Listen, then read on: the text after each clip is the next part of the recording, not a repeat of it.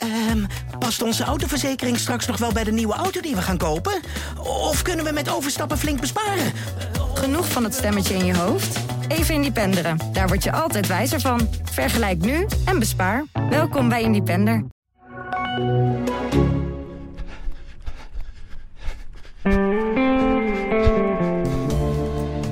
Over een week begint de atletiekdag nummer 1 in Tokio. De Olympische Spelen. Wij hebben er niet vier jaar, maar dit keer vijf jaar op gewacht.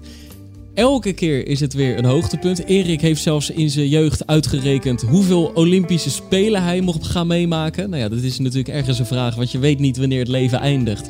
Maar ik vond het wel een, een mooie rekensom van je destijds.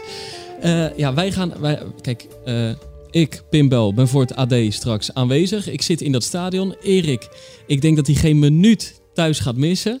Uh, en wij gaan dit keer voorbeschouwen. Waar letten wij nou op? Wat vinden wij nou mooi? En we krijgen een college van Ingmar Vos, Olympier. Die was erbij uh, in Londen in 2012, werd 21ste op de tienkamp. Hij gaat ons door die meerkamp nemen en door eigenlijk de wat meer technische onderdelen. Want wij zijn toch meer van het lopen, hè, Erik. Wij- dus wij daar zijn- hebben wij gewoon een beetje hulp bij nodig. Precies. Wij zijn meer van het lopen en, eh, en de meerkampers hebben eigenlijk, eh, nou dat hoor je straks wel, een beetje broertje dood aan het lopen. Hè?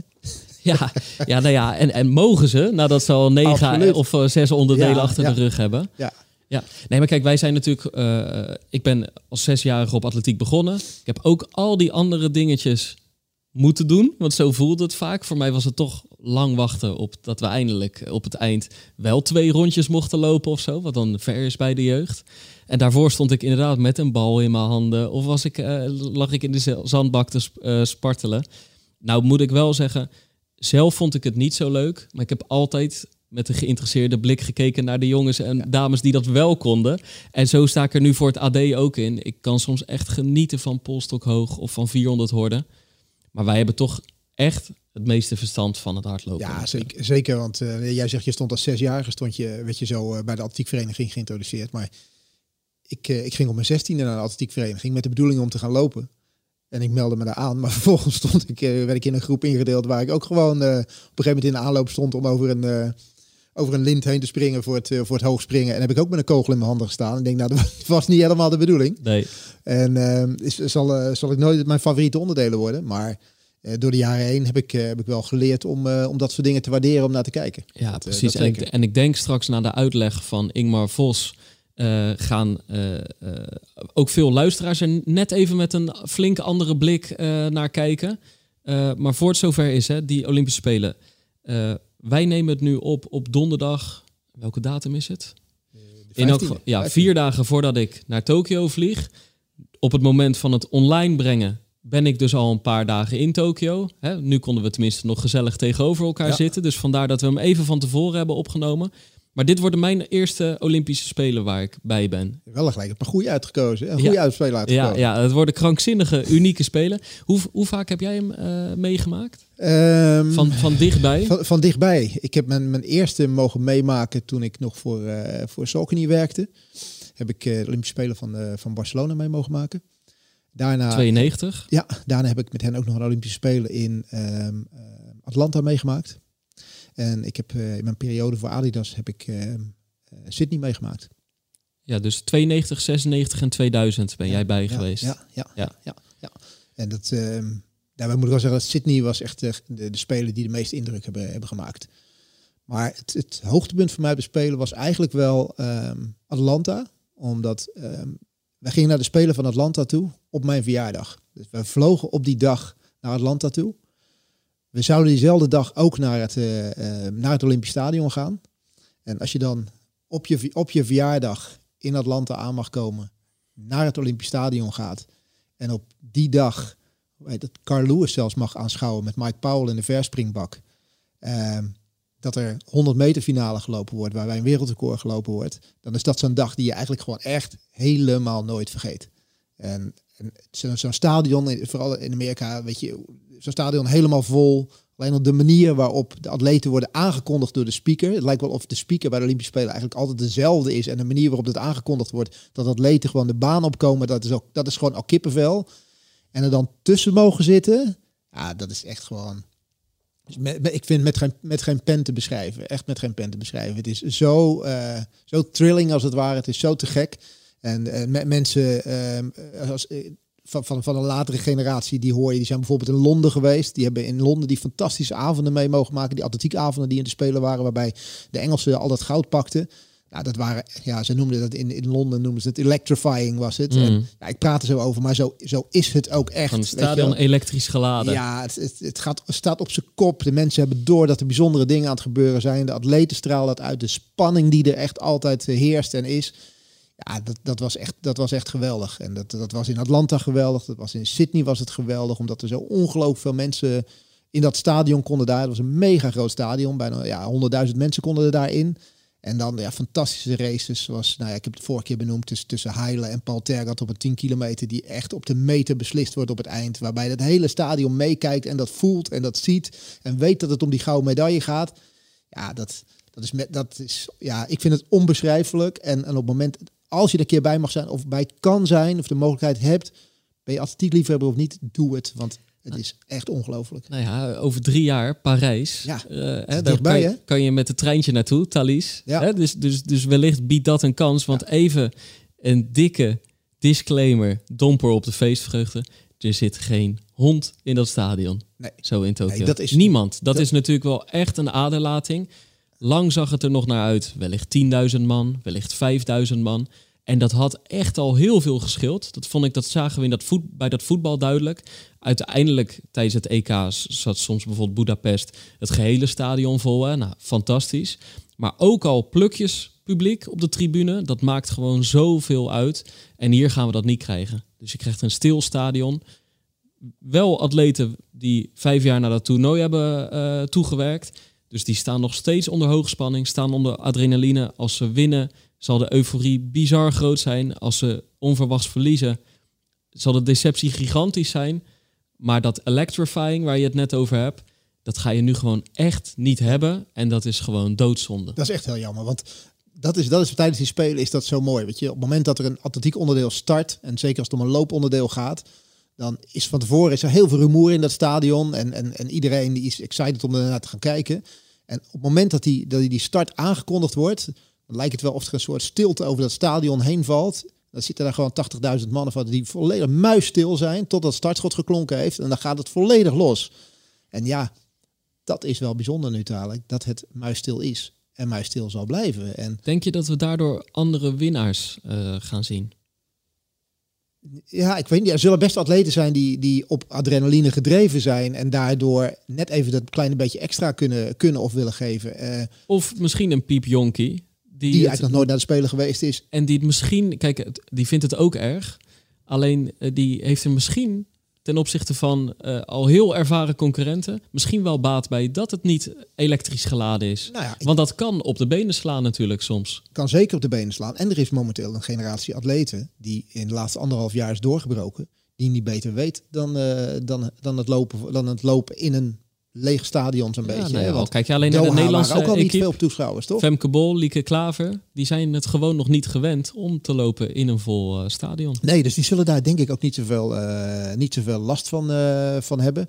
Maar dat het bijzonder gaat, gaat zijn, dat, dat sowieso. Maar tegelijkertijd ook bijzonder dat jij een van de weinigen bent die in het stadion zal zitten. Ja. Ik ben benieuwd wat voor een plek je dan toebedeeld kan, kan krijgen. Of dat, of dat anders is dan dat het normaal is plekken zijn waar je, waar je zit. Maar ja, eh, het, het, zal, eh, zal zorgen voor, voor weinig afleiding. En zorgen voor enorm veel aandacht voor datgene wat er daadwerkelijk gebeurt in, eh, in het stadion. Ja, ik ben benieuwd of ik, ik verwacht het wel hoor. Op een gegeven moment gaat, gaat gewoon, denk ik, de sport de hoofdmoot krijgen.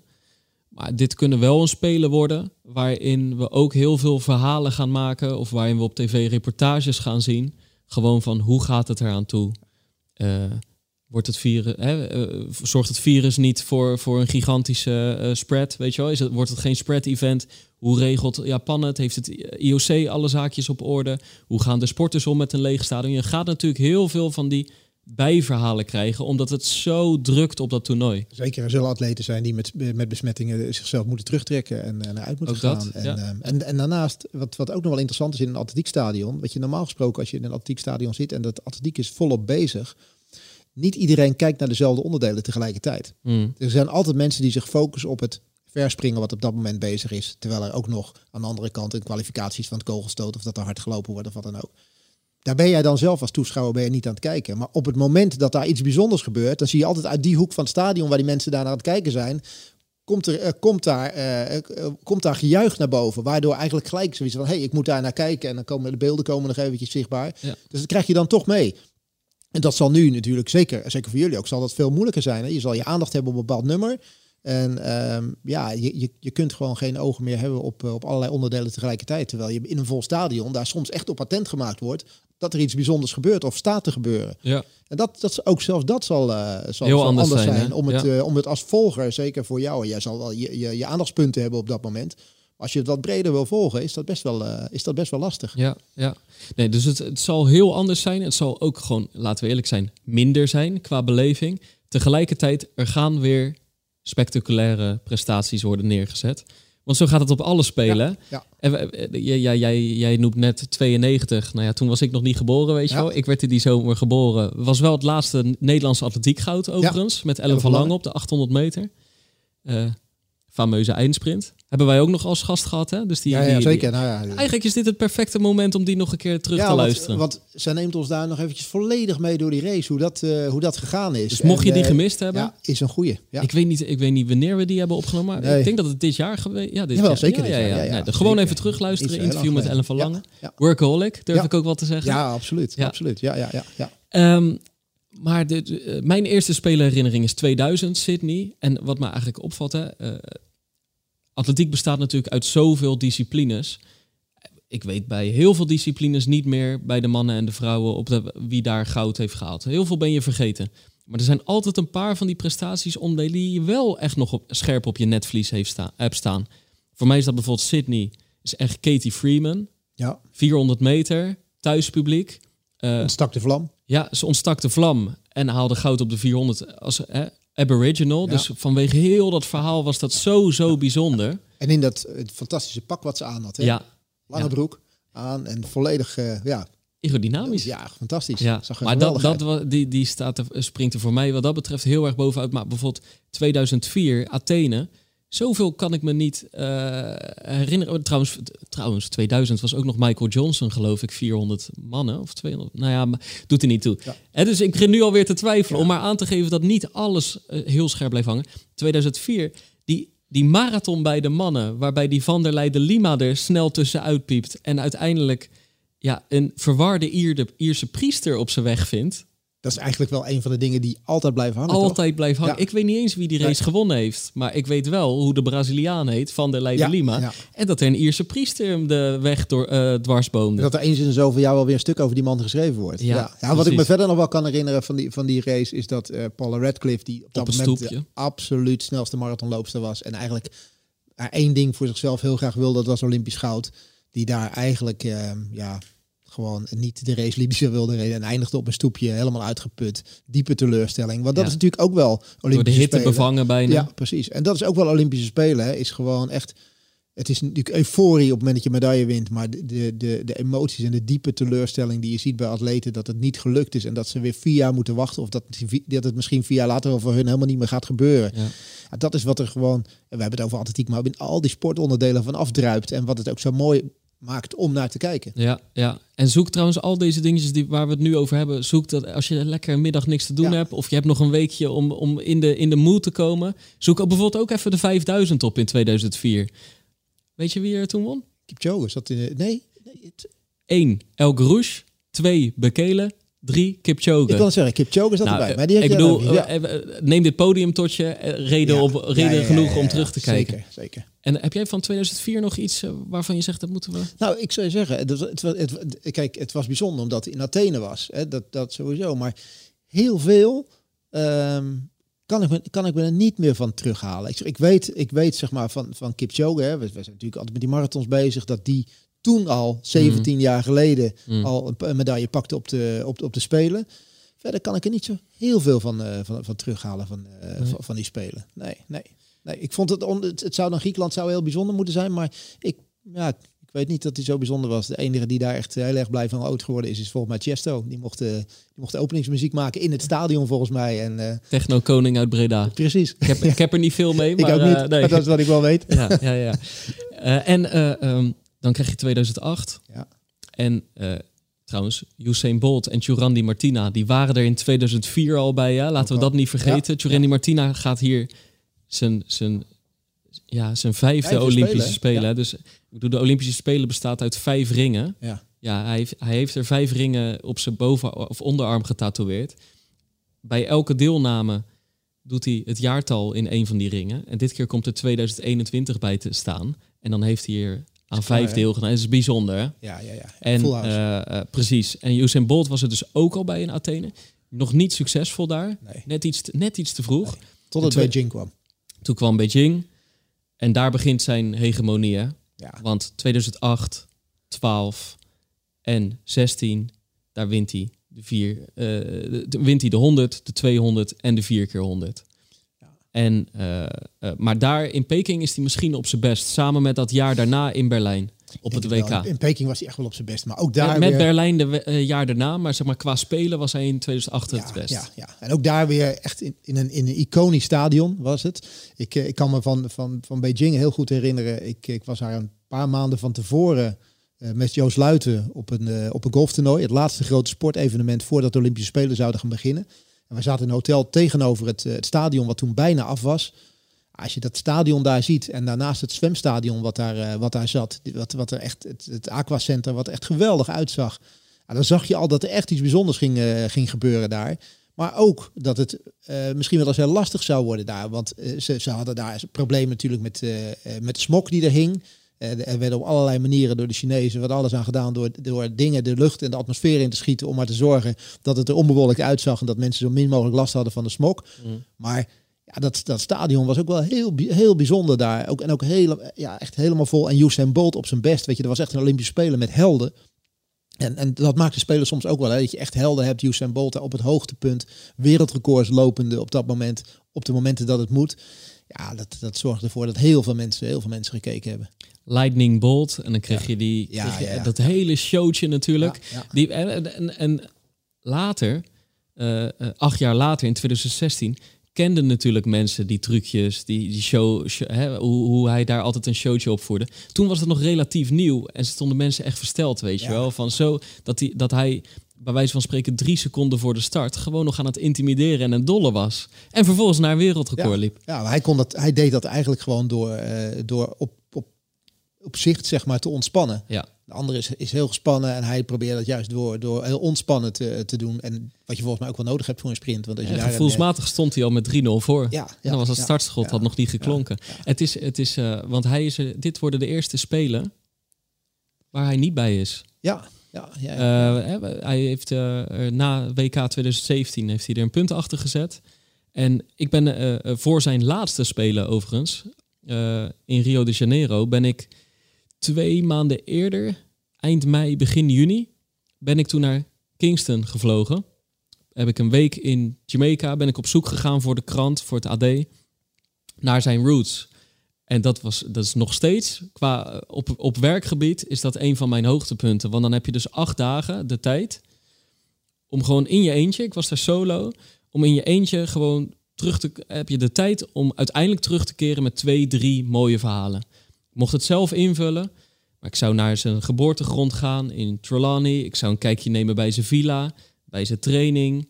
eh, bij ook, ook de Jamaicaanse jeugdkampioenschappen, waar je eigenlijk alweer de nieuwe Usain Bolts eh, en, en Shelley Fraser Price het draait in opstaan. Jamaica natuurlijk alleen maar om afstanden tot 400 meter. Hè? Ja, daarbo- dan dat vinden ze niks. Ze proberen het een beetje, maar het wil nog niet echt van de grond ko- komen. En, eh, maar dat was, dat was zo'n mooie week. Ook, ook omdat ik zat in Kingston en ik heb daar ook zijn wagenparken ongeveer gezien bij die villa van hem. Maar uiteindelijk was het drieënhalf uur rijden.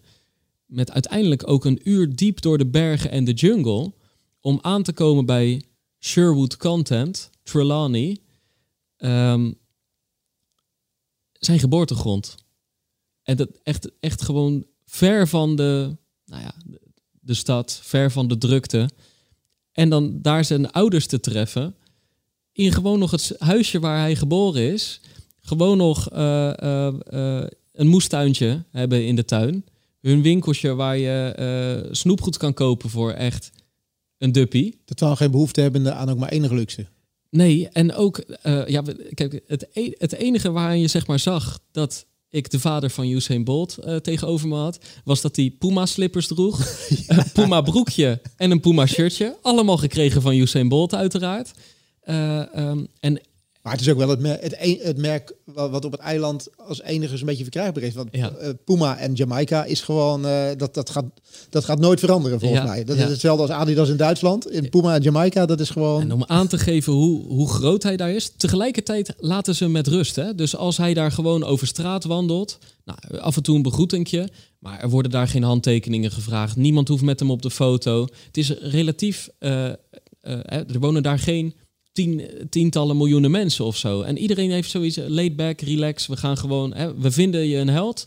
Maar we laten je ook een beetje met rust. Dus hij kan daar gewoon normaal over straat. Maar tegelijkertijd is hij daar zo groot en is het respect zo groot dat je bij elk restaurant wel een Usain Bolt chicken burger kan kopen, weet je wel. Dit is gewoon, hij, ja, het is, het is echt mooi en hij, hij, eh, dat ga je nu natuurlijk een beetje missen. Je hebt hele grote namen bij deze spelen, maar hij oversteeg de sport. Ja, dat, is, dat is wat je inderdaad wel een beetje gaat missen. Want je hebt inderdaad je hebt Usain Bolt en, en, en, en, je had, en als je op de marathon keek, dan, was, in, was Kipchoge die daar zijn eerste gouden medaille won. In 2012 draaide natuurlijk alles om Mo Farah, de, de lokale held die, die het stadion op zijn kop zet. En ja, dat is, dat is nu, met de Olympische Spelen die nu aankomen, ja, wie zijn, wie zijn de grote helden? Die, Ja. de, wie, wie zijn de grote helden waar het grote publiek, wat misschien iets minder geïnteresseerd is in de atletiek of wat dan ook, zich dadelijk mee moet verifiëren? Nou ja, het is dus, kijk, je, je, hebt nog steeds Kipchoge. Hè, die, Ja. die op lange afstandsgebied, nou, een van de grootste ooit. Daar gaat bij de marathon weer iedereen voor zitten. Ja. Ik denk eigenlijk de, de, de, de Usain Bolt van deze spelen is misschien wel Alison Felix. Die, die pakte al goud, ook in 2008, 12 en 16, weet je wel. Die heeft eh, zo'n gigantische status. Eh, zij is ook wel echt groter dan de sport. Zij, ze was het uithangbord van Nike heel lang. Die is uiteindelijk op de barricade gaan staan, want ze werd zwanger. Nou ja, toen werd ze ongeveer zo zwaar financieel gekort Ja. door Nike. Want ja, je moet daar presteren, anders krijg je je Anders, centjes niet. nee. En zij is toen eigenlijk, eh, nou, zij is op de barricade gaan staan en ze zei, ja, wij vrouwen verdienen ook gewoon eh, ons geld te krijgen als we er even vanwege zwangerschap een paar maanden aan de kant staan. En eh, nu is ze terug als moeder. En bijvoorbeeld bij de eh 4x400 met de Amerikaanse vrouwen maakt ze gewoon weer kans op goud. Ze is 35, zeg ik even uit mijn hoofd. Ja. Kijk, zij staat natuurlijk niet op gelijke hoogte als Usain Bolt, maar zij heeft wel ook zoveel voor die sport betekend en inmiddels groter dan de sport. Eh, maar, het gaat ook een beetje inderdaad het to- toernooi worden van nieuwe helden. Bijvoorbeeld eh, Armando Duplantis, 21-jarige zweet, polstok hoogspringen. Sprong al eh, toen hij vier jaar was in de tuin, omdat zijn opa die sport beoefend had. Echt, moet je even opzoeken. Er is volgens mij een docu uitgekomen, maar er is ook een compilatie op YouTube dat je hem door de jaren heen in zijn eigen tuin ziet polstok hoog springen. Jaar na jaar wereldrecords voor zijn leeftijdscategorie verbrekend. Echt gaaf. En je krijgt natuurlijk ook, je krijgt nu een nieuwe Olympische kampioen bij de mannen op de 200 meter. Ja, misschien Noah Laos bijvoorbeeld. Ja. Eh, bij de vrouwen. eh, eh, vijf jaar geleden was het natuurlijk Daphne Schippers, El- Elaine Thompson, die enorm dicht op elkaar zaten. Bijvoorbeeld ook Dina Asher-Smith. Ook zo'n vrouw die, die, die niet alleen sprint, maar ook daarbuiten continu de mond opentrekt en zich bemoeit met Black Lives Matter, die ergens voor staat, die nu weer op de cover staat van de Vogue. Niet alleen het sprinten, maar echt ook wel meer proberen te betekenen. En, en al een aantal jaren echt wel op het podium staat. En, en echt wel kanshebber is voor het, eh, voor het goud. Hè. Dus ja, zij eh, was in dat zeker. 2019 in Doha, volgde zij Schippers op de 200 Ja. meter als wereldkampioen op. En nog steeds gewoon, eh, gewoon heel, heel goed. Dus maar ja, dat, Maar het zal een beetje zoeken naar nieuwe helden ja, eh, ja, dat denk ik wel. dus. Dat, dat denk ik wel. En, eh, maar, maar los van het feit, eh, kijken naar, naar, nieuwe helden die, eh, die er altijd zullen, eh, zullen ontstaan, is het denk ik ook mooi om, eh, om, te, om te zien van wat, wat ga je nou volgen? En, en waarom is het nou bijvoorbeeld ook bijzonder om, om bijvoorbeeld al voorrondes te volgen of wat, of wat dan ook? En eh, er, wat ik zelf mooi vind bijvoorbeeld, ehm, er zijn straks voorrondes op 800 en 1500 meter bij zowel de mannen als de vrouwen. Dan zou je zeggen, ja, iedereen kijkt toch uit naar de finale.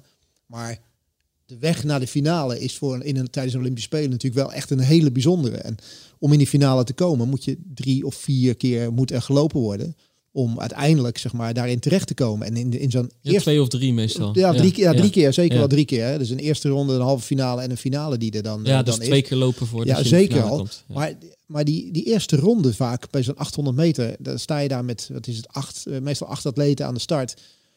Er zijn meestal wel, wel tijdens de Spelen wel acht series of zo in 800 meter die er gelopen worden. En daar mogen er maar twee van door. Dat betekent dat er altijd wel ergens dus een keertje een favoriet uitvalt of wat dan ook, of struikelt of doet omdat er een gevecht is. En Elleboogjes, elleboogje positioneren, links, elleboogje manoeuvreren, rechts. klem zitten. Ja, precies. Dus die, alleen die series al kijken, de kijkenden weten dat er maar twee doorgaan. En dat er misschien dan nog twee tijdsnelste zijn. Wat ook weer een extra factor met zich meebrengt. Absoluut. Weet je, kan in de laatste series interessant zijn. Maar dat betekent dus dat iedere 800 meter eigenlijk al een soort finale is die je moet lopen.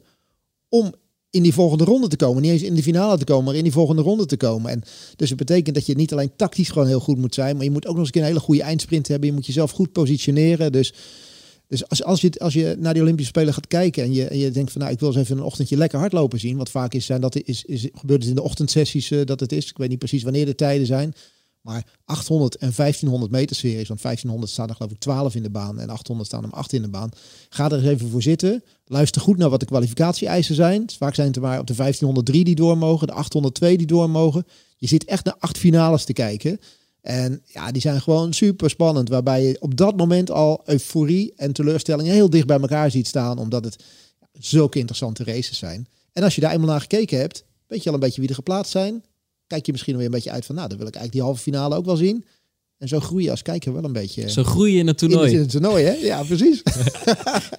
Dat je uiteindelijk op de bank kan pieken in de finale. Ja, zeker, Ja. zeker. Ja, ja, ja, dat je eigenlijk gewoon zegt tegen diegene die op de bank naast je zit, die er helemaal geen zin in heeft, je moet even meekijken, want nu gaat er iets bijzonders gebeuren. Maar zo heb ik natuurlijk ook... Hè, ik ben nu aan het taperen.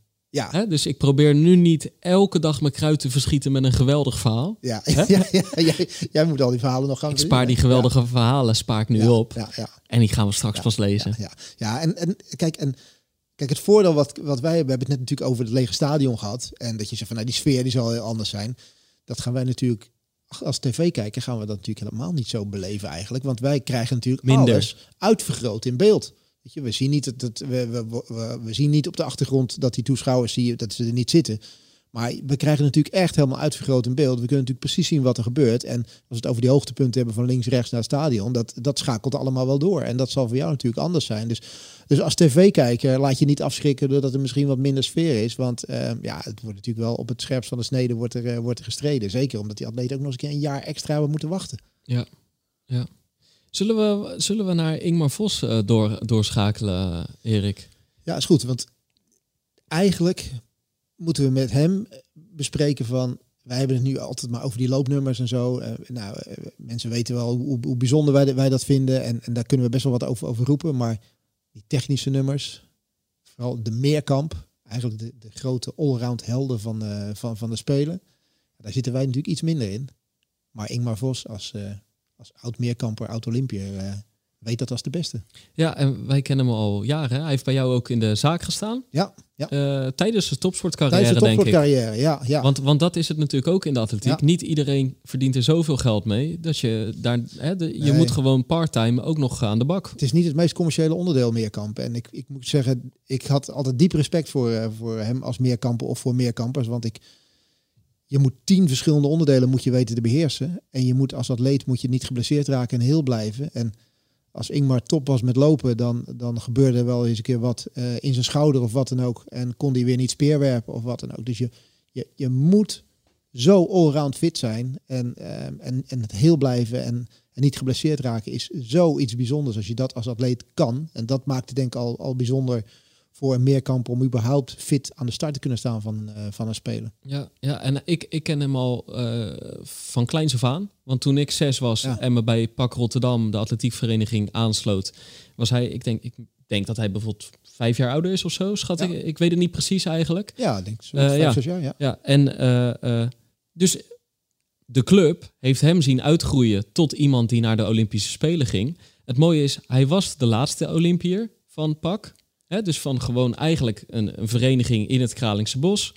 Eh, eh, En nu krijgen we Diana van S en Ramsey Angela. Dus negen jaar na hem zijn er weer twee talenten van eigen kweek die ook weer naar de Spelen gaan. Is toch mooi. Ja, en, en jonge atleten, dus eh, misschien eh, zal het ook niet hun laatste Spelen zijn. Ja. Laten we hopen dat ze er nog meer mogen. En Ingmar kan de sport goed duiden, goed uitleggen. En dat is ook de NOS opgevallen. Hè? Niet alleen de pacer, maar eh, Nee, hij schijnt straks ook ja, nog ja, ja, ja. eh, breder te mogen. Dus we gaan hem gewoon eens bellen.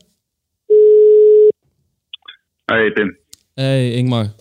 Pim hier inderdaad. goedemorgen. Goedemorgen. En Erik, die zit hier tegenover me. Aan de andere kant hoor. Oh, kijk aan, kijk aan. Jou allebei wel bekend. Ja, zeker, zeker.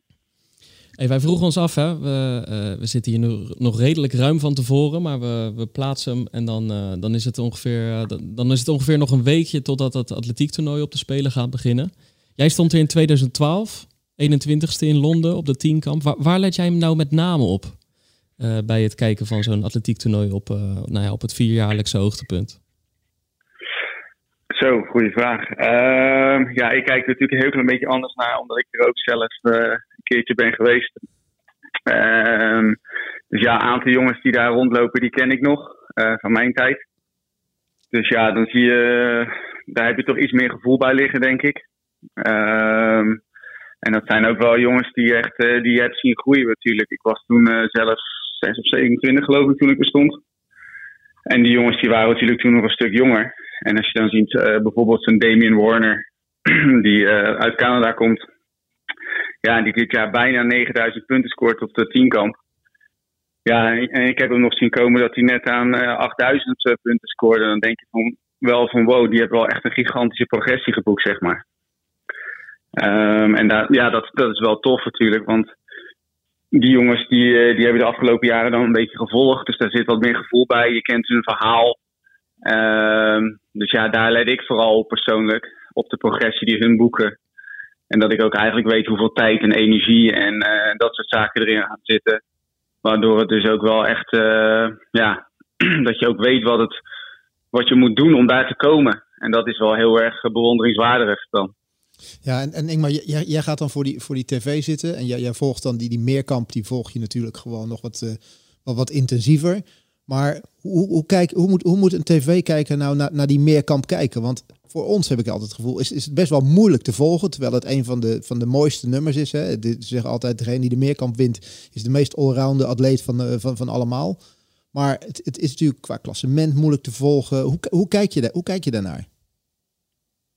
Ehm, ja, het zijn eigenlijk natuurlijk twee hele lange dagen. Eh, en wat de meeste mensen natuurlijk niet eens meekrijgen, is eh, wil je echt scherp aan de start staan, dan moet je vier uur van tevoren opstaan.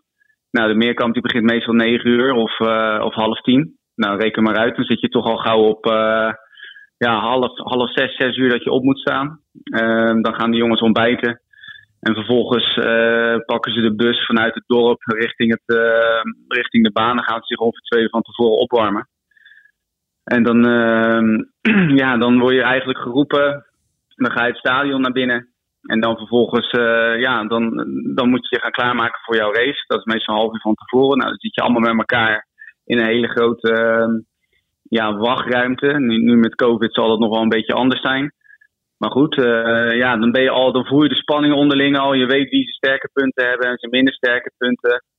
En dan, ehm, ja, dan ga je naar de startlijn. En dan is het natuurlijk eh, je allerbeste race van het jaar eigenlijk neerzetten. En dan heb je ongeveer een half uurtje de tijd om naar het volgende onderdeel weer te gaan. En dat is dan ehm, het verspringen. En zo ga je eigenlijk van nummer naar nummer naar nummer. Waarbij je eigenlijk iedere keer maar een half uurtje pauze hebt. Daartussendoor moet je nog eten, je moet drinken, je moet nog proberen uit te rusten. Ehm, ja, en of het nou goed of slecht gaat, je moet elke dag weer verder. Dus ehm, bij de dagen. Dus je loopt bijvoorbeeld een hele goede 100 meter. Maar je springt slecht ver. Ja, dat moet je dan allemaal in een half uurtje zien te verwerken. Want het volgende nummer komt alweer. Eh en dat is ook wel iets wat bij de meerkamp komt kijken. Dat dat wel heel, heel eh, ehm, ja, dat, dat, jongens die zijn niet alleen maar bezig met, eh, met presteren, maar ze moeten ook mentaal echt keihard zijn en, en flexibel zijn. En ja, je gaat van nummer naar nummer. Dus je hebt je 100 meter, je verspringen en je kogelstoten. Dat zijn de eerste drie onderdelen. En dan vaak is er daarna een break. En dan ga je in de avond weer verder vaak eh, met, met eh, hoogspringen en eh, de 400 meter. En voor iedere tijd en iedere afstand en iedere hoogte krijg je een aantal punten. Dus ehm, het gaat er eigenlijk om om binnen twee dagen zoveel mogelijk punten bij elkaar te scoren. Dus het wil niet zeggen dat als iemand vijf onderdelen wint, dat hij uiteindelijk aan het einde nog steeds ook de wedstrijd wint. Want het gaat gewoon wie haalt de meeste punten over tien onderdelen. Ehm, ja, en dan dag twee, dan kom je vaak uh, kom je laat thuis. Uh, de avond ervoor na de 400 meter thuis. Nou, of ja, in je hotel. Dan hebben we het over vaak wel een uurtje of uh, 12 in de avond. Nou, dan moet je nog naar de masseur. Lig je waarschijnlijk op 1 uur in bed. En de volgende ochtend om 10 uur start de 110 meter horde alweer. Dus dat betekent dat je wel weer om 6 uur op moet staan. Dus dan heb je 5 uur slaap gehad. Um, ja, en dan ga je nog je andere onderdelen in. Dus na de hoorde komt, uh, komt het discuswerpen, het polsspringen, het speerwerpen en de 1500 meter. Uh, en het programma is weer een beetje hetzelfde als de dag ervoor, dat je dus drie onderdelen in de ochtend hebt en in de middag nog twee. Uh, en waarom is dat eigenlijk? Ja, omdat de meerkampers die lopen eigenlijk alle andere onderdelen een beetje de weg. Want die, die moeten twee dagen lang die baan vullen, maar ondertussen gaan alle andere losse onderdelen, individuele onderdelen, gaan ook gewoon door. Dus ons programma wordt altijd een beetje naar, voor, naar de voorkant en naar de achterkant van de dagen geschoven. Zodat die mannen al hun tien onderdelen kunnen doen in twee dagen tijd, zeg maar. En uh, ja, dus die 1500 die wordt meestal pas om kwart over tien, half elf s'avonds meestal gelopen. Houden jullie niet van, hè, die 1500 meerkampers? ja, het is een beetje. Het, het, is verschillend. Kijk, wat ik net al zei, iedereen heeft zijn sterke en zijn slechte punten. Uh, en de snelle mannen, die, uh, die hebben er inderdaad een uh, gruwelijke hekel aan. Want dat is gewoon, ja, voor de mannen die niet snel zijn, dan moeten we het hebben over ongeveer 4,45 tot 5 minuten voor een 1500 meter. En de snellere jongens, die lopen zo tussen de 4,20 en 4,30. Um, ja, en dan is het eigenlijk zo van, dat, ja, dat is gewoon 4,5 minuut afzien.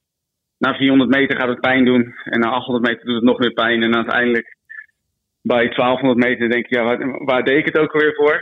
En dan na die laatste 300, uh, na de 1500 staat er hopelijk een heel mooi puntenaantal op het uh, scorebord.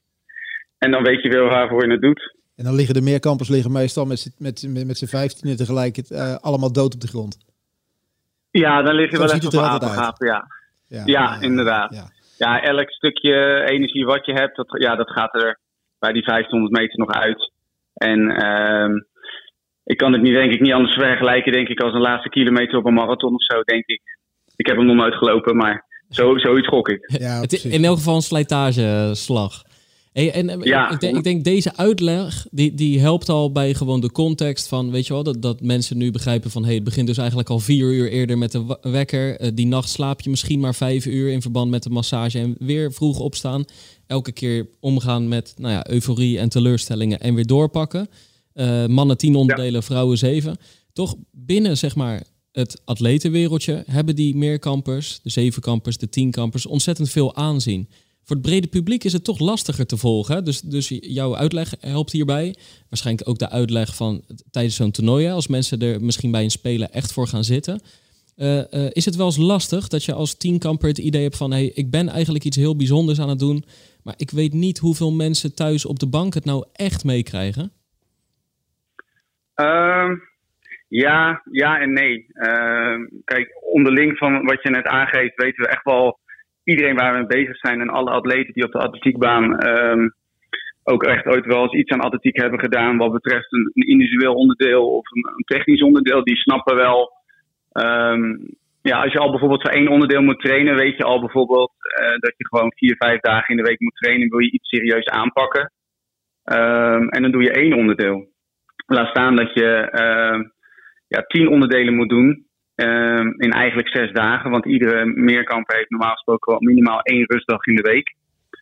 Dus je hebt eigenlijk maar zes dagen en dan moet je tien onderdelen in trainen. Nou, daar zit ook nog eens een krachttraining, één of twee krachttrainingen bij. Je moet naar een fysiotherapeut door de week en dat soort zaken. Dus die week, ja, die is eigenlijk super uh, klein om dat toch te vullen. En ik snap wel voor de buitenwereld dat mensen gewoon denken van ja, maar goed, uh, de onderdelen die ze doen, die, uh, die doen ze eigenlijk allemaal wel wat minder dan de, de echte individualisten. Dus ja, je kan ook bijvoorbeeld wat minder tijd aan bepaalde dingen besteden. Maar uh, ja, dat is het hem wel. Er gaat zoveel tijd en energie in zitten. En het is een stukje lenigheid, behendigheid, snelheid, uithoudingsvermogen. En ik denk dat dat uh, best wel onderling heel veel respect afdwingt. Omdat wij eigenlijk echt alle facetten van de teamkamp, of van, de, van de atletiekwereld, moet ik zeggen, trainen en beoefenen. Ehm, en dat is denk ik wel voor de buitenwereld soms heel moeilijk te, te, begrijpen. En wat je eigenlijk natuurlijk alleen maar op een, op, een, op een toernooi vaak ziet, is of iemand het goed of slecht doet. Maar alles wat daaraan voorgaat, ja, dat is even een andere koek. Het gaat gewoon om vijf, zes dagen trainen van zeven, soms acht uur per dag. In twee sessies van drieënhalf, vier uur per keer.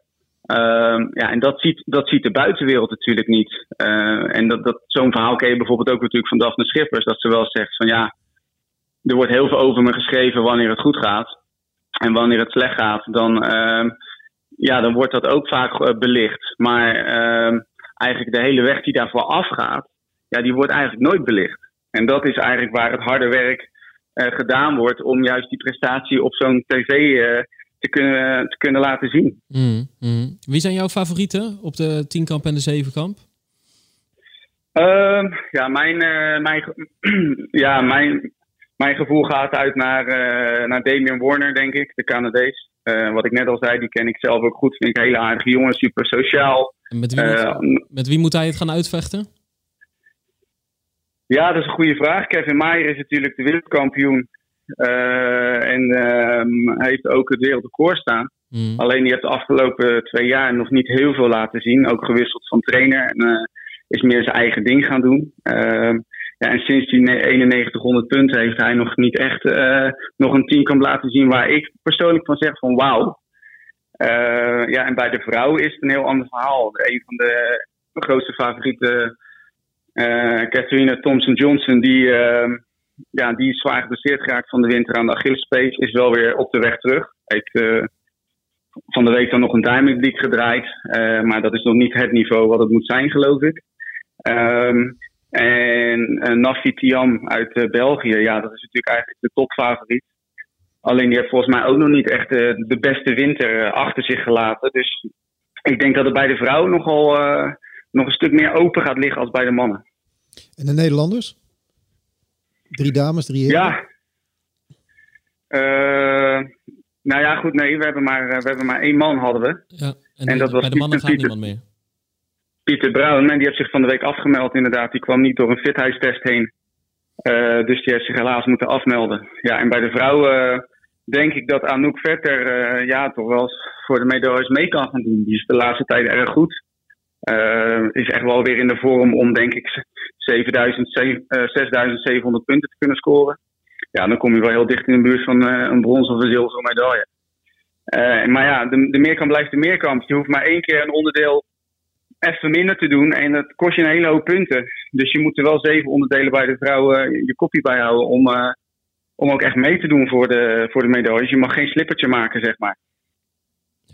En uh, ja, dan heb je natuurlijk nog Emma Oosterwegel en uh, Nadine Boersen. En ja, die meiden, de, ook daar weer. Emma is nog een jonkie. maar scoort wel al, geloof ik, 6300 punten uit mijn hoofd ja, op zo'n, op zo'n speler kan van alles gebeuren. Dat weten jullie ook wel, natuurlijk.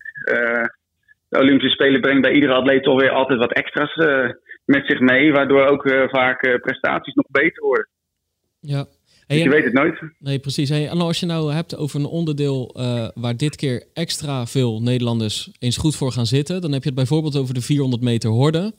En de, uh, vanwege Femke Bol en de verwachtingen die daar een beetje eh, de pan uit zijn gerezen. En dan heb je nog Nadine Visser op de 100 meter hoorde met wellicht kansen.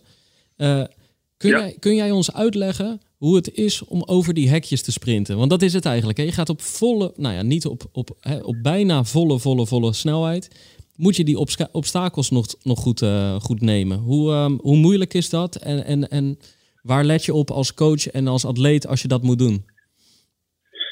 Ja, Femke is natuurlijk uh, een heel mooi voorbeeld. Die loopt uh, heel hard op de vlakke 400 en, op de, en nu ook natuurlijk op de, de 400 hoorden. Dus zij doet eigenlijk beide. In e-, eerste instantie zou ze misschien zelfs aan beide ook meedoen op te spelen, maar dat is uiteindelijk de 4x4 geworden en de 400 meter hoorden. Ja, je moet rekening mee houden dat zo'n 400 meter bij, bij Femke bijvoorbeeld een vlakke gaat ongeveer in 50 seconden. Nou, dat is, dat is echt wel doorlopen. Uh, en dan staan er in één keer nog eens tien hordes uh, om, de zoveel, om de zoveel meter. En waar die meiden dan, of, en die gasten ook, uh, echt rekening mee moeten houden, is hun lopen eigenlijk, wat jij net zegt, Pim, net niet volle bak. maar ze lopen in een bepaald ritme. Dus ze doen bijvoorbeeld 15 passen naar, naar hoorde 1. En van hoorde 1 naar hoorde 2 ook nog misschien 15. Maar op een gegeven moment slaat de vermoeidheid erin. En moet je dus misschien naar 16 of 17 passen. Ja, en dat is de truc met, met dat lopen op een 400 meter. Die verzuring die slaat toe.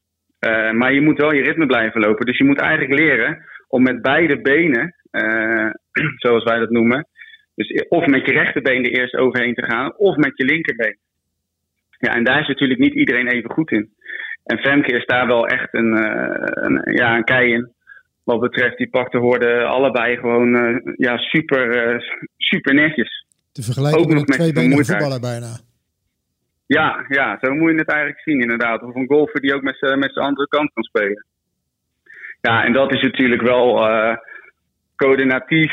En, en ook nog eens onder vermoeidheid. En op zo'n hele hoge snelheid. En, je moet het voor de gein maar eens proberen. Een keer ergens uh, een hekje ergens in de tuin te zetten. Keihard erop afrennen. En er in één keer overheen te springen. En niet in, uit balans te raken. Uh, en meteen weer door te sprinten. Precies. En voor het beeld, dus ja, uh, dames hoorden en heren hoorden, waar, over wat voor hoogtes hebben we het dan? Ja, bij de dames staat hij volgens mij op 76 centimeter uit mijn hoofd. En bij de heren op 91 centimeter. Dus ja, 91 is toch wel een stukje hoger weer. Uh, dan hebben we toch al bijna net, net onder je heuphoogte bij het gemiddelde man, denk ik. En dan hebben we het over 400 meter, hè? Dus anders ja, hebben we het over 400 meter. 110 is je 1 meter 7. Nou, dan hebben we het echt wel over een navelhoogte of zo bij de gemiddelde persoon. Ja, en dan is het natuurlijk ook nog zo. Kijk, een hekje nemen is één ding. Misschien zou het Erik en ik ook nog op een goede dag lukken. Maar dan, dan doen, doen wij er alles aan om hem zo veilig mogelijk te nemen. En het liefst even 10, 20 centimeter marge in te bouwen, hè, als het lukt. Maar zij willen er overheen scheren natuurlijk, zonder heel veel snel of zonder snelheid te verliezen. Nou ja, dat, wat ik net zeg inderdaad. Ze proberen eigenlijk volle snelheid uh, ook na die woorden nog door te lopen. En, en wat je tegenwoordig ook veel ziet, en er wordt ook steeds meer op gelet, ook door jury, uh, dat je ook nog eens in je baan blijft lopen. Want je moet ook nog eens het bochtje om uh, na 200 meter. En in de eerste bocht natuurlijk ook waar ze starten. Uh, je mag ook nog niet eens met je voet op de lijn staan, want dan word je ook nog eens gedisqualificeerd. Dus er spelen allemaal dingen mee. Uh, maar ja, het, moet, het zijn de Olympische Spelen, dus het gaat op het scherpst van de snede, zoals ze dat natuurlijk zeggen. Dus ja, daar trainen ze natuurlijk dag en nacht voor. En op een gegeven moment moet dat er dan een keer uitkomen. Je kan je niet veroorloven om net even een, een tikkeltje rustiger te doen, want ja, dan haal je de finale gewoon niet. Ja, ja. Hey, we, we hebben nu de, de, de meerkamp behandeld, de horde. We gaan niet elk atletiek onderdeel doornemen, want dan, dan zijn we gewoon nog even bezig, Ingmar. Alleen, wat, wil je wel, wat wil je wel nog behandelen? Het mag van alles zijn. Dus je mag polstok hoog springen eh, zeggen, je mag speerwerpen behandelen. Welke, welke discipline moeten we nog even onder het voetlicht brengen? Ja, ik denk wat jij net noemt. Ik denk dat er wel echt twee onderdelen zijn, vooral bij, bij de mannen ook. Het kogelstoten met Ryan Krauser. goede vriend van mij toevallig. Ik heb vier jaar met hem getraind in Amerika zelf nog. Ehm, dus die jongen, ja, daar ligt ook wel een beetje mijn hart bij ja, die is de eerste man, uh, of tenminste niet de eerste man, maar een van weinige mannen die een, een 7 en een kwart kilo kogel uh, over de 23 meter heen stoot. Heeft dus ook het wereldrecord te pakken sinds een maand of twee. Uh, ja, dat is natuurlijk ongekend. We hebben het over, ja, wat zal het zijn? Bijna vijf flessen cola. Uh, die legt hij in zijn nek en die stoot hij ongeveer bijna drie achtertuinen verder. Ja, ik ben, ja, zonder ze eerst op te drinken. Juist, juist, ja.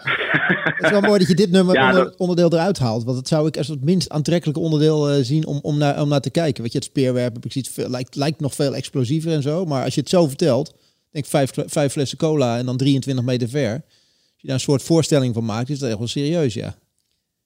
Ja, dit zijn uh, die mannen, die zijn, uh, je moet voorstellen, het zijn allemaal mannen zo rond 2 meter. wegen rond een kilootje of 140 kilo, 130 kilo. Uh, berensterk. En uh, ja, en dan gaan ze toch als een soort ballerina, vind ik altijd, wel door die ring heen. Uh, en in één explosie moeten ze dat allemaal in die ring zien te houden van twee meter. Ja, dat is ook een, een, een trucje wat je even niet zomaar leert, zeg maar. En dan is de onderlinge concurrentie, die is ook nog eens moordend. Ik, bij de WK twee jaar geleden in Doha we hadden nummer 1, 2 en 3. Dat scheelde letterlijk uh, een centimeter met elkaar. Dus uh, ja, die, die, die, die wedstrijd is hartstikke spannend ook gewoon om te kijken. En uh, onderling is die competitie nog net zo hoog. Die gasten die toen verwierpen, we hebben dit jaar ook weer heel ver geworpen. Uh, ja, dus dat wordt gewoon een hele toffe wedstrijd om te kijken en ook super spannend, zeg maar. Um, ja, en bij Polstok hebben we natuurlijk Mondo Duplantis, die jonge jongen. Hij is uh, geloof ik net 21 geworden pas. Hij heeft indoor al het wereldrecord staan. In Hengelo sprong die. Hij doet wel al 21 jaar aan Polstok hoogspringen, hè? als ik een beetje zijn jeugd heb eh, begrepen. Ja, ja, ja. Er staan hele mooie filmpjes op, op YouTube van een driejarig mannetje wat in de tuin al eh, eh, bepaalde wereldrecords aan het springen is voor die leeftijd, zeg maar, bij wijze van. Precies. Ja. Die is echt met, eh, met de paplepel ingegoten. En eh, ja, die jongen die, die is nog natuurlijk in Hengelo geweest. Hij heeft die 6 meter 10 gesprongen, het hoogste, de hoogste sprong van dit jaar. Dus dat was wel tof natuurlijk dat dat ook in Nederland is gebeurd. En, eh, maar achter hem, ja, daar zit wel echt een hele dikke strijd, denk ik, voor zilver en brons. Met, met een eh, Renault Lavillenie. Nou, die is dan wel vorige week geblesseerd geraakt. Maar ja, meestal kunnen de fysio's nog wel een trucje hier en daar uithalen. Dan heb je nog Sam Kendricks. Ja, en wat jij net al zei, Erik, ja, dat is wel een onderdeel dat ik denk wat best wel spectaculair is om naar te kijken natuurlijk. Ehm, Want neem Ja, ons, eens, mee, ons eens in die, eh, in die be- ja, ja, in zeg maar heel die beweging. Dus, dus, dus we zien zo'n eh, man of vrouw aanlopen. Ja. En dan? ja, gaat ongeveer eh, Neem ons eens Moet mee door heel zo'n sprong. Nou ja, je staat ongeveer een metertje of 35, 40 vanaf de bak vandaan waar je die stok in moet steken. Dat is een bepaalde bak in de grond. Eh, die jongens lopen denk ik tussen, tot, toch wel tussen de 20 en 25 km per uur aan. Eh, met een stok die 5 meter tot 5 meter 20 lang is. Eh, ja, dat betekent toch dat je ongeveer 4, 4,5 meter moet afzetten vanaf het punt waar jij wil gaan landen dadelijk op, die, op, dat hele grote, op die grote landingsmat ja, dat doet wel natuurlijk mentaal wat met je. Uh, dat moet allemaal uitkomen tot de centimeter. Want zet jij net te dichtbij af, dan krijg je die stok bijna niet gebogen. Zet je te ver af, precies hetzelfde verhaal. Dus het gaat echt om millimeter werk. Terwijl die gasten en meiden wel ongeveer 20, 25 kilometer per uur aanlopen. Uh, nou, daar hebben we nog te maken met de wind, uh, spanning, adrenaline. Ja, dat doet natuurlijk van alles met je. Uh, dat moeten ze allemaal onder controle zien te houden. Ja, en dan heb je nog die lat waar je overheen moet. En die moet jij ook bepalen waar je die neerzet. Dus je hebt zeg maar het nulpunt noemen wij dat. Dat is eigenlijk de achterkant van de insteekbak. Dus de bak waar de stok ingaat. En dan mag jij zelf die lat uh, 80 centimeter naar voren of naar achter zetten. Nou, uh, iedere stok heeft een bepaalde stijfheid. Hoe stijver de stok, hoe rechter je omhoog springt. Um, ja, en op die manier moeten hun dus ook nog eens uitvogelen hoe diep of hoe minder diep zet ik die lat om precies over die lat heen te kunnen springen met die bepaalde stok nog eens. Want ze hebben allemaal ongeveer een stok of 10 of 16 stokken bij zich. Nagenoeg hoe goed ze in vorm zijn die dag, hoe hard ze aanlopen. Uh, ja, allemaal, hoe staat de wind? Uh, allemaal dat soort zaken. Dus daar, daar moeten ze allemaal rekening mee houden om überhaupt al over die lat heen te komen. Laat staan een lat die dadelijk waarschijnlijk ligt op 6 meter 5 of 6 meter 10 om een medaille überhaupt te halen. Ja, en er zijn geloof ik maar 40 man in heel verleden geweest die ooit over de 6 meter hebben gesprongen. Dus dat is A, al heel erg hoog. Uh, maar laat staan dat je nu pas bij die hoogte dus een medaille eventueel kan winnen.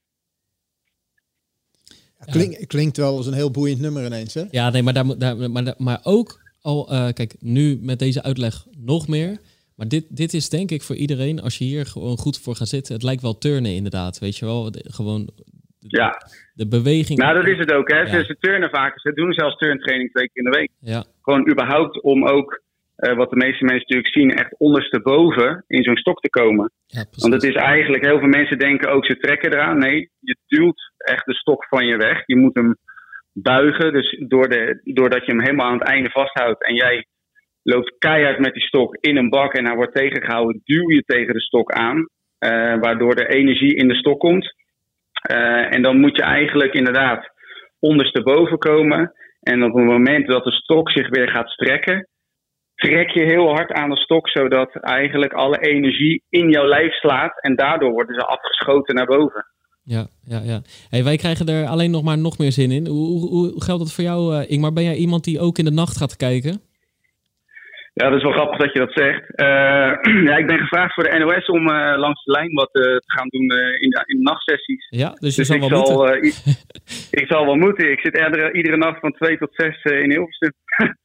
dus ja, nee, ik, dat was natuurlijk niet meer van de eerste mijn plan om daar iedere nacht helemaal mijn bed vooruit te gaan. Maar voor de meerkamp zeker wel, want daar ligt mijn hart natuurlijk en bepaalde andere onderdelen ook wel. Um, ja, en een van mijn eigen atleten die mag in de 4 keer 400 meter lopen. Dus dan zal ik ook wel zeker wel mijn bed uit moeten. Kijk, kunnen we in ieder geval die radio nog even aanzetten tijdens, tijdens het kijken naar die spelen. Hey, ja, zeker weten. Ik wil wel even, wel even, even afsluiten met, met je. En dan wil ik nog eventjes van jou eigenlijk weten. Je hebt gestaan op die Olympische Spelen. Hoe bijzonder is het nou om op Olympische Spelen te staan ten opzichte van een wereldkampioenschap? Als atleet. Zo, uh, ja, dat is eigenlijk. Uh, poeh, uh, ja, binnen de atletiek is er niks hogers en andere, bepaalde andere sporten ook niet. Kijk, bij voetbal is dat denk ik een ander verhaal. Daar zal de, zal de wereldbeker het hoogste niveau zijn. Uh, maar binnen de atletiek is er niks hogers dan dat. En het is maar één keer in de vier jaar. en een WK komt om de twee jaar terug. En er is maar een hele selectieve groep die daarheen mag. Ja, en daar werkt eigenlijk denk ik iedere atleet die maar iets in zich heeft dat hij denkt van nou, uh, ik wil het allerhoogste bereiken. Ja, die werkt daar zijn hele leven voor om daar minimaal één keer te staan. Um, en sommigen hebben zelfs het geluk dat ze er twee of drie keer komen. Maar ja, het is maar voor een hele kleine groep weggelegd. Um, en een WK, ja, geen idee. De speler heeft toch blijkbaar iets magisch of zo. Ik, ik, dat is heel moeilijk uit te leggen. Uh, de voldoening ook die ik haalde toen ik naar de Spelen mocht, was vele malen groter toen ik naar mijn eerste WK mocht. Ook omdat de kwalificatie-eisen natuurlijk een stukje hoger liggen altijd voor de Olympische Spelen. Um, en ja, ik, zou eigenlijk niet eens weten hoe ik dat helemaal moet uitleggen. Dat is een soort gevoel. Uh, en ook dat begrijpt toch ook het publiek, denk ik wel. Wat, wat jullie net zeggen van. Iedereen weet dat de Olympische Spelen iets heel speciaals is. Uh, daardoor zullen ook veel meer mensen die niet per se van atletiek, of, uh, altijd atletiek kijken, toch een keer atletiek gaan kijken. In plaats van als alleen de WK atletiek op tv is. Ook de onderlinge teamverband. Dat je ook wel met niet alleen, ja, niet alleen met je eigen sport, maar je gaat met meerdere sporten. En iedereen is met zijn land voor elkaar, met elkaar. En dat creëert ook een bepaalde sfeer en band en een extra boost zou ik bijna zeggen, om uh, nog beter te presteren. Ja, zo, ja zo, zo, zo, zo, voelt het voor mij, laat ik het zo zeggen. Ik denk dat je het niet, uh, niet, niet mooi kan omschrijven. En dat is ook, uh, ook wat, we eigenlijk, wat we eigenlijk een beetje proberen te, te creëren nu met deze podcast vandaag. Is, is die, die, die interesse die er moet zijn voor de, voor de Olympische Spelen. En, het, en hoe boeiend het is om naar te kijken voor naar al die atleten die daar al die jaren voor, voor hebben getraind. Dus super bedankt voor je uitleg. Ja, ja, graag gedaan. Het is, uh, wat ik er nog even aan toe wil voegen, inderdaad, wat jij net zegt ook van ja, het is een kwestie eigenlijk, je, je traint heel je leven wellicht voor dat ene moment. En als, als je daar dan mee bekroond wordt dat je daar naartoe mag, ja, dat is eigenlijk het allermooiste wat er is. Ja, dat gaan we gewoon. Uh, zo staan de, die meeste. Als je bedenkt dat de meeste atleten er op die manier in staan, dan, ja. dan voel je, dan ga je iets van die adrenaline ook, denk ik, uh, uh, begrijpen. Denk Alleen ik, daarom al de moeite waard om. Ja. Hey, we willen je bedanken, ja, Ingmar. En uh, veel, ja, veel succes in de nacht, maar dat zal wel lukken. Veel koffie, denk ik, maar kom maar goed. Precies. Oké, okay, thanks hè. Later. Okay. Hey, bedankt. Hoi, hoi, hoi. hoi. hoi, hoi. Na dit uh, college van meester Vos uh, mag het wel duidelijk zijn dat, uh, dat we ook, ook de technische onderdelen en de, en de 400 hoorden en de 100 hoorden onderdelen niet, niet meer hoeven over te slaan tijdens het zitten voor de buis, of niet? Nee, en dan is het ook nog, eh, nu omdat, omdat we uh, de kenner aan het woord hebben gelaten, die, die alleen al, eh, kijk, hij legt het supergoed uit, maar bij Polstok ging het me toch even duizelen. Ja. Hè? Maar, maar je begrijpt nu nog beter hoe ingewikkeld het is, hè? hoe ingewikkeld die beweging is, hoeveel erbij komt kijken, uh, hoeveel er ook mis kan gaan. Uh, en eh, een extra reden is, al ben jij nou gewoon die juichsupporter met uh, bij wijze van spreken uh, alleen maar oranje sentimenten. We maken er ook echt soms kans. we hebben het net al genoemd, Femke Bol, Nadine Visser op de 400 horden en de 100 horden. Die, die maken gewoon kans op het podium. Dus eh, ga, er, ga er maar eens goed voor liggen of zitten. Zeker. En, en er zijn nog wat buitenkansjes, misschien wel in de estafettes. Ja, wat wellicht. Daar weet je wellicht nooit wat er gebeurt. Je, Mhm. er hoeft maar één land een stokje te laten vallen. Jij doet het perfect en het schuift allemaal door en op. En Ja. Dus, dus er, er zouden dit jaar Aan- meer atletiekmedailles kunnen vallen dan Nederland in het verleden heeft kunnen halen. Er, ga, er gaan er in elk geval meer dan, eh, meer dan ooit. Dus het, we hebben, eh, wat dat betreft is het uniek dat we zo'n, met zo'n brede equipe naar een Olympische Spelen afreizen, wat de atletiek betreft. Ehm, dus in de breedte zijn we super, super goed en hebben we te maken met een nou, gigantisch goede, sterke, talentvolle generatie. Dit keer ook nog echt van jong tot oud, hè? Van, eh, bijna van zeg maar Femke Bol tot en met Churendi Martina, de veteraan. Ehm, nou is het wel zo, eh, Daphne Schippers is natuurlijk gewoon echt wel veel minder dan vijf jaar geleden. Die hoort niet meer tot de absolute favorieten. Eh, de- ja, luister, nog, luister de aflevering, hè, de, het, het mooie gesprek wat wij met haar hadden onlangs eh, terug. Ehm, Femke Bol kan wel, die zit er echt, die begint er korter en korter op te zitten op die twee Amerikaanse dames bij de 400 horden. Zij, zij kan enorm verrassen. Maar als we het echt hebben over wie is nou een topfavoriet, dan kom je toch alleen uit op Sifan Hassan. Ja. Dus, daar, dus als je het nou hebt over kunnen we enorm veel medailles gaan pakken? Nou ja, misschien wel, meer dan we gewend zijn. Maar het kunnen ook heel veel vierde en vijfde plaatsen worden. Weet je wel, het is nog dun of broos. En dat wil niet zeggen dat, het dan, dat er dan niet goed gepresteerd is. nee, nee. En dat geeft ook wel aan dat het, het halen van een Olympische medaille op een atletiektoernooi, dat dat echt wel heel bijzonder is. Hè? Dat het niveau waarop het is mondiaal. Ja, de, de niveau waarop de sport bedreven wordt zo ongelooflijk hoog is, hè, dat het eh, soms wel eens, vind ik, onder, ondergewaardeerd is. Omdat als je nu alleen al kijkt hoe bij de Diamond Leagues, waar, al die atleten op, op wat voor niveau dat allemaal meedoen en in finale staan en alles, ja, dan kan het zijn dat je inderdaad geen medaille haalt. Maar dat je toch heel goed gepresteerd hebt. Omdat het inderdaad, wat jij zegt, zo enorm mondiaal is. Zo een hoog niveau is. Dat, eh, ja, Kijk, dat heb je natuurlijk bij, bij bepaalde onderdelen minder. Niet heel de wereld is aan het kogelslingeren of polstok hoogspringen. Eh, dat wordt door een kleiner groepje beoefend. Hè? De- Een groepje die op een gegeven moment beslist in hun leven... ik ga me hierop specialiseren. Maar welk voorbeeld ik altijd geef... heel de wereld, maakt niet uit in welk land... op heel de wereld trekken kinderen vanaf een jaartje of vier, vijf... sprintjes tegen elkaar om te kijken wie de snelste is. Ja, dat zegt eigenlijk genoeg. Ja. Dat heb je bijna bij... ge- Ja, nou ja, voetbal natuurlijk. Hè? Dat, eh, overal eh, ja, wordt wel met een bal... eh, wordt tegen een bal aangeschopt. Maar gewoon dat... dat kinderen op vierjarige leeftijd eigenlijk dat wedstrijdje al aan het doen zijn. Ja, en dat mondt uit uiteindelijk in de moeder alle sporten die al zo lang wordt beoefend. En waar iedereen dan zijn of haar onderdeel uit kiest, weet je wel. het geeft dan ook wel aan hoe bijzonder die prestatie van Daphne Schippers al zijn geweest. Ja, Ja, dat, eh, wat ze vorige keer ook aangaf. Dat je bij de beste vier sprinters op een bepaalde afstand ooit hebt behoord. Terwijl inderdaad de hele wereld dit soort dingetjes doet. Dan moet je echt wel ongelooflijk onderscheidend vermogen hebben. En dat betekent ook dat er maar eens in de zoveel tijd iemand is met zoveel talent die, eh, die dat te werk kan besteden. Ja, ja. En dan heb je nu dus inderdaad, hè, we hadden het net over het laatste atletiekgoud, Ellen van Lange. Ja, iedereen kijkt nu wat dat betreft naar Sifan Hassan. Hè? Ja, Ze Ja. moet een keuze nog maken. Ik heb er van de, ik had er eh, eh, vorige week dus een verhaal over gemaakt. Want het kan de, in principe doet ze de 10.000 op 7 augustus, de voorlaatste dag van de Spelen, zaterdag. Eh, daarvoor of de 5000 of de 1500. Snelle blik op het programma, dan denk je, nou, klaar is Kees. Het wordt de 5 en, En de de 10. 10. Dan loop je één keer een volronde, dan de finale en dan heb je vijf, zes hersteldagen tot de 10.000. Alleen ja, zij vindt die 1500 zo mooi. Dan zou je twee rondes door moeten en dan de finale één dag voor de 10.000. Ja, dan zou je denken, dat is niet handig. Alleen zij voelt daar veel voor. Ze houdt van bijzondere uitdagingen. Ze had het onlangs zelfs over, misschien doe ik op Parijs wel en de marathon en een afstand op de baan. Nou, volgens mij heeft dat nog nooit iemand gedaan. Nou, dat werd in het verleden werd dat, werd dat wel gedaan, maar toen kon dat nog. Alleen ik heb nu het idee dat het niveau bij de afstanden zo hoog is dat het eigenlijk niet meer kan. ja, en het gaat daar- haar niet alleen om combineren, hè, maar dan ook om gewoon twee maal Ja, goud precies. halen. Ja, die wilde twee keer goud Ja, halen. ja. Daarom hoop ik wel dat ze kiest voor 5 en 10. Want ik denk, Dan zijn de kansen echt het grootste, ik denk dat de kansen het grootst zijn. We hebben nu bij de laatste 1500 meter optreden in Monaco gezien hoe hoog de grote concurren- concurrentie daar, eh, daar, daar is. En dat was ze misschien ook maar net terug uit Amerika. Misschien nog niet helemaal top. Maar die concurrentie is daar heel groot. Dus ik denk inderdaad 5 en 10 kilometer. Je, doe dat gewoon lekker op de Spelen. De Speler is bijzonder. Dan kan je volgend jaar Eugene in haar eigen soort tweede thuisbasis, zeg maar, Portland, op het WK. Kan ze het daar een keer op een andere manier proberen. Maar Ja, ja. Nee, in Doha, het komt natuurlijk ook voort uit Doha, waar ze de 10.000 en de 1500 eh, deed. Maar ja, dan zat de 10 in het begin. Ja.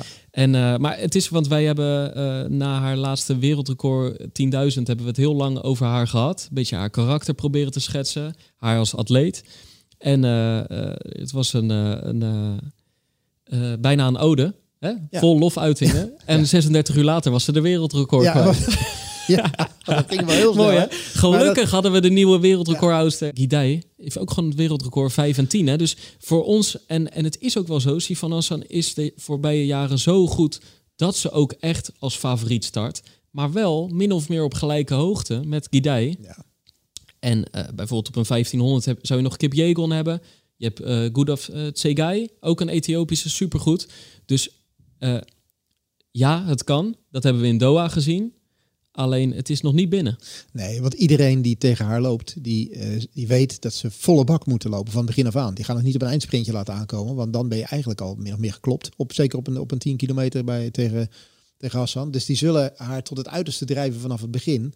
Om haar van die, eh, van die, eh, van die, in die laatste kilometer kwijt te kunnen raken of in de laatste 400 meter. Dus dat wordt heel, daar wordt heel veel van gevraagd. Het is niet zo dat het een boemelrace zal worden op een 10 kilometer en eh, op een 5 kilometer en dan op het laatste maar eventjes even die medaille pakken. Nee, en tegelijkertijd kun je ook afvragen of een boemelrace voor Sivan Hassan wel het meest voordelig zou zijn. Omdat zij in het verleden heeft zij op belangrijke momenten toch ook tactische steken laten vallen. Als het zo'n boemelrace werd, hè, was, zat ze ingesloten, te ver van achter. Ze heeft zich echt wel eens laten foppen. Eh, dus eh, eh, volgens mij is zij in de kracht als het inderdaad een, een wat zwaardere race wordt. Alleen ja, dan is Guidai ook in de kracht. We kunnen analyseren van hier tot Tokio. Ja, van hier tot Tokio. Ja, ja. we gaan er niet uitkomen. Nee. We, gaan het, we gaan het zien. Jij van dichtbij. En ehm, ik ingezoomd vanaf de televisie. En ik hoop nog heel veel andere, heel veel anderen ook. Ja. En dan, dan gaan we zien of die, eh, of die medailles daadwerkelijk eh, deze kant op gaan komen. Ja. Of ik ze meeneem naar huis. Ja. nee, ja. maar hey, dus, dus eh, kijk, wij wilden gewoon nu in Rotterdam zeg maar nog deze voorbeschouwing hebben opgenomen. Maar wij gaan elkaar nog bellen met gewoon de microfoons Ja, onder onze nou, Ik neus. wil natuurlijk wel weten hoe dit daar, hoe dit daar zit. Hoe, Ja. hoe jij op die hotelkamer bivakkeert. Ja. Ik hoorde jou van de week zeggen dat je probeert om een loopband op de hotelkamer te krijgen. Ja. Maar waarom heb je niet helemaal in de gaten hoe groot de gemiddelde hotelkamer in Japan is? Nee, nee, nee. je mag blij zijn dat je daar je bed hebt staan en daar houdt het mee op. Nou Dus ja, ik ik wil ik natuurlijk had, wel weten hoe, hoe jij dat daar... ja, maar hey, ik had liever een loopband dan een bed gehad. Ja, dat, eh, dat je daar gewoon lang uit op gaat liggen. Ja, hoor. Kussentje erop Ja, en dan joh. is het ook goed. En vroeger na het stappen, dan sliep ik gewoon op een stoel of in Ja. de, op de vloer. Dat maakte me nooit zo uit of er Dus een, eh, niet of er een bed beschikbaar was. Maar ik wil natuurlijk van voor tot achter weten hoe jij dit daar gaat ervaren. Wat je allemaal, eh, wat je allemaal meemaakt. Wat voor trucken jij allemaal uit gaat halen om toch te kunnen gaan hardlopen. Ja. En gewoon dan, hè, want nu is het allemaal voorbeschouwen, dan kunnen we het ook nabeschouwen we soms. nabeschouwen. Dus wij gaan gewoon inspringen op het moment dat we denken, hey, nu is er iets gebeurd. Of nou, nou loop ik toch wel zoveel rondjes om een wc-pot. Hier moeten we wat mee. Ja. Dus hou ons gewoon in de gaten en wij, eh, wij komen met nieuwe afleveringen. Eh, als we met nieuwe afleveringen komen. Zeker, Toch? vanaf, vanaf locatie. Juist. Nou ja, ja, ja. Mooi hè. Er zitten gewoon eh Wij zitten er al in hoor. elf uur vliegen tussen ons. En dan maken we gewoon, eh, gaan we gewoon door met die podcast. Ja, mooi man. Hey, blijf luisteren, blijf lopen en volg de Olympische Spelen.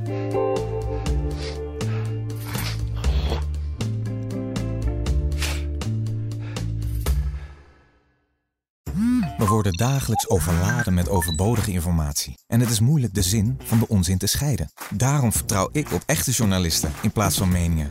Een krantenmens heeft het gemakkelijk. Word ook een krantenmens en lees je favoriete krant nu tot al zes weken gratis. Ga snel naar krant.nl. Bezorging stopt automatisch en op deze actie zijn actievoorwaarden van toepassing.